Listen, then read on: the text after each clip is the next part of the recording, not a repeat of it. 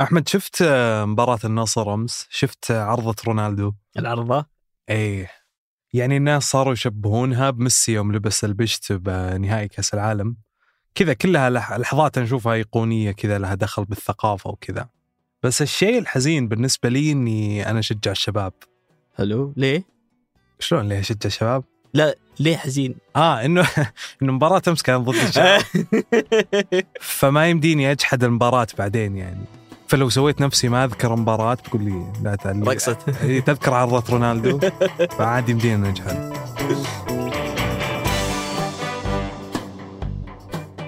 هذا بودكاست الفجر من ثمانية. بودكاست فجر كل يوم نسرد لكم في سياق الأخبار اللي تهم معكم أنا أحمد الحافي. وأنا مشاري الحمود.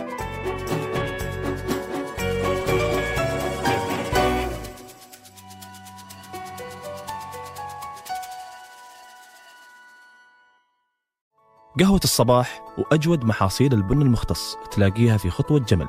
اعرف أقرب فرع لك من الرابط في وصف الحلقة.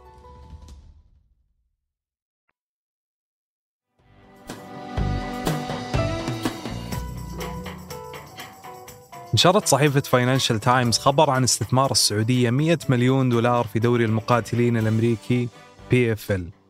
الاستثمار تم عن طريق شركة سيرج للاستثمارات الرياضية. وهي شركة استثمارية رياضية تهدف لدعم وتمكين نمو قطاع الرياضة في المملكة ومنطقة الشرق الأوسط وشمال أفريقيا. والشركة تابعة لصندوق الاستثمارات العامة السعودي اللي يطلقها بداية هذا العام.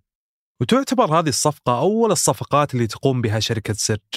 واللي من ضمن شروطها أن تقوم بي بإنشاء دوري للشرق الأوسط وشمال أفريقيا في الربع الثاني من عام 2024 وراح يكون المقر الرئيسي للمشروع في السعودية. إذا قلنا فنون القتال المختلطة، إحنا نتكلم عن رياضة قتالية وهي مزيج بين كثير من فنون الدفاع عن النفس. ويقدر أي مقاتل يشترك في هذه الرياضة إذا كان يلعب فنون القتال الأخرى مثل الجودو أو التايكوندو أو الملاكمة والكاراتيه والمصارعة وغيرها. ويرجع تاريخ بداية اللعبة إلى الألعاب الأولمبية القديمة جدا في سنة 648 قبل الميلاد. وفي عام 1993 لما تم تأسيس شركة Ultimate Fighting Championship المعروفة بال UFC وهي الشركة الرائدة في هالعالم لهذه الرياضة. طورت الشركة اللعبة وحدثتها وحطت قوانين ضمان سلامة المقاتلين. وفي عام 2009 اعتمدت الهيئات التنظيمية في الولايات المتحدة وبعض المنظمات القتالية في جميع أنحاء العالم معايير تعرف باسم القواعد الموحدة لفنون القتال المختلطة. وبعدها التحديثات وتنظيم اللعبة رسميا في إطار واضح وقواعد وأنظمة ارتفعت الرياضة عالميا وصار لها تواجد كبير على مواقع الدفع مقابل المشاهدة pay per view مثلها مثل الملاكمة والمصارعة الحرة.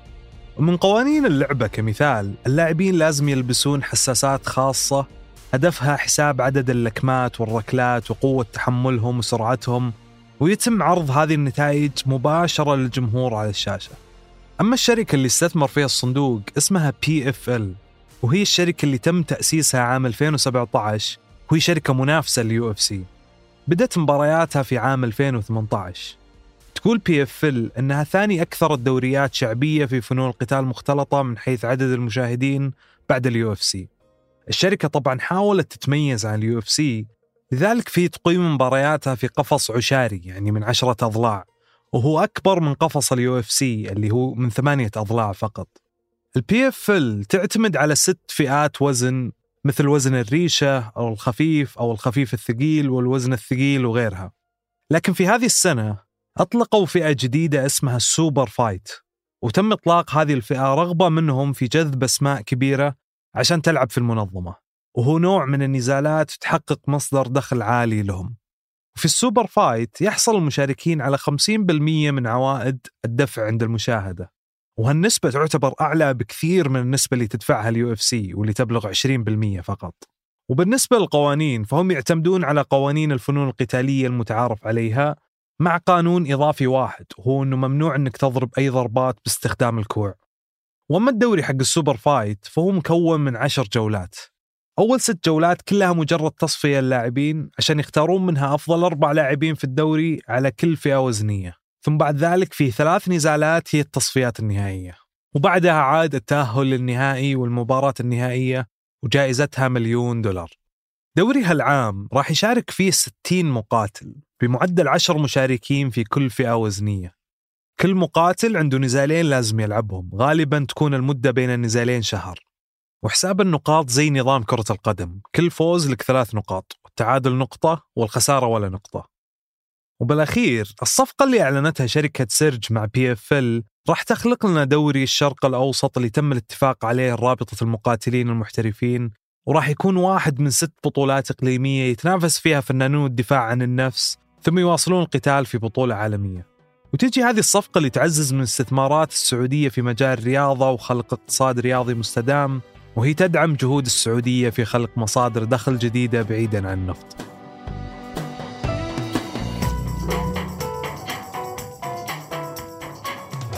وقبل ننهي الحلقة هذه توصيات لنهاية الأسبوع. بدأ عرض فيلم The Equalizer 3 في صالات السينما وهو من بطولة دنزل واشنطن. يعتبر هالفيلم آخر فيلم في سلسلة الأكشن اللي تم إصدار أول فيلم منها عام 2014 على بودكاست أصوات اخترنا لكم حلقة صديقة للإيجار وتقول منتجة الحلقة إذا كنت امرأة وحيدة في الرياض وتريدين التنزه في المدينة توفر لك بطلتا هذه الحلقة خدمة الصداقة. ولكن مقابل مبلغ مالي ولساعات محدودة. تخوض وفا العبد العالي التجربة وتروي لنا قصة صديقاتها بالإيجار. على قناة وثائقيات ثمانية نشرنا حلقة ثمانية أسئلة مع توأم في هذه الحلقة نستضيف التوأمين عبد الله وعبد الرحمن القنيه ويجاوبون على أسئلة تتوارد في أذهاننا عن التوائم وطبيعة حياتهم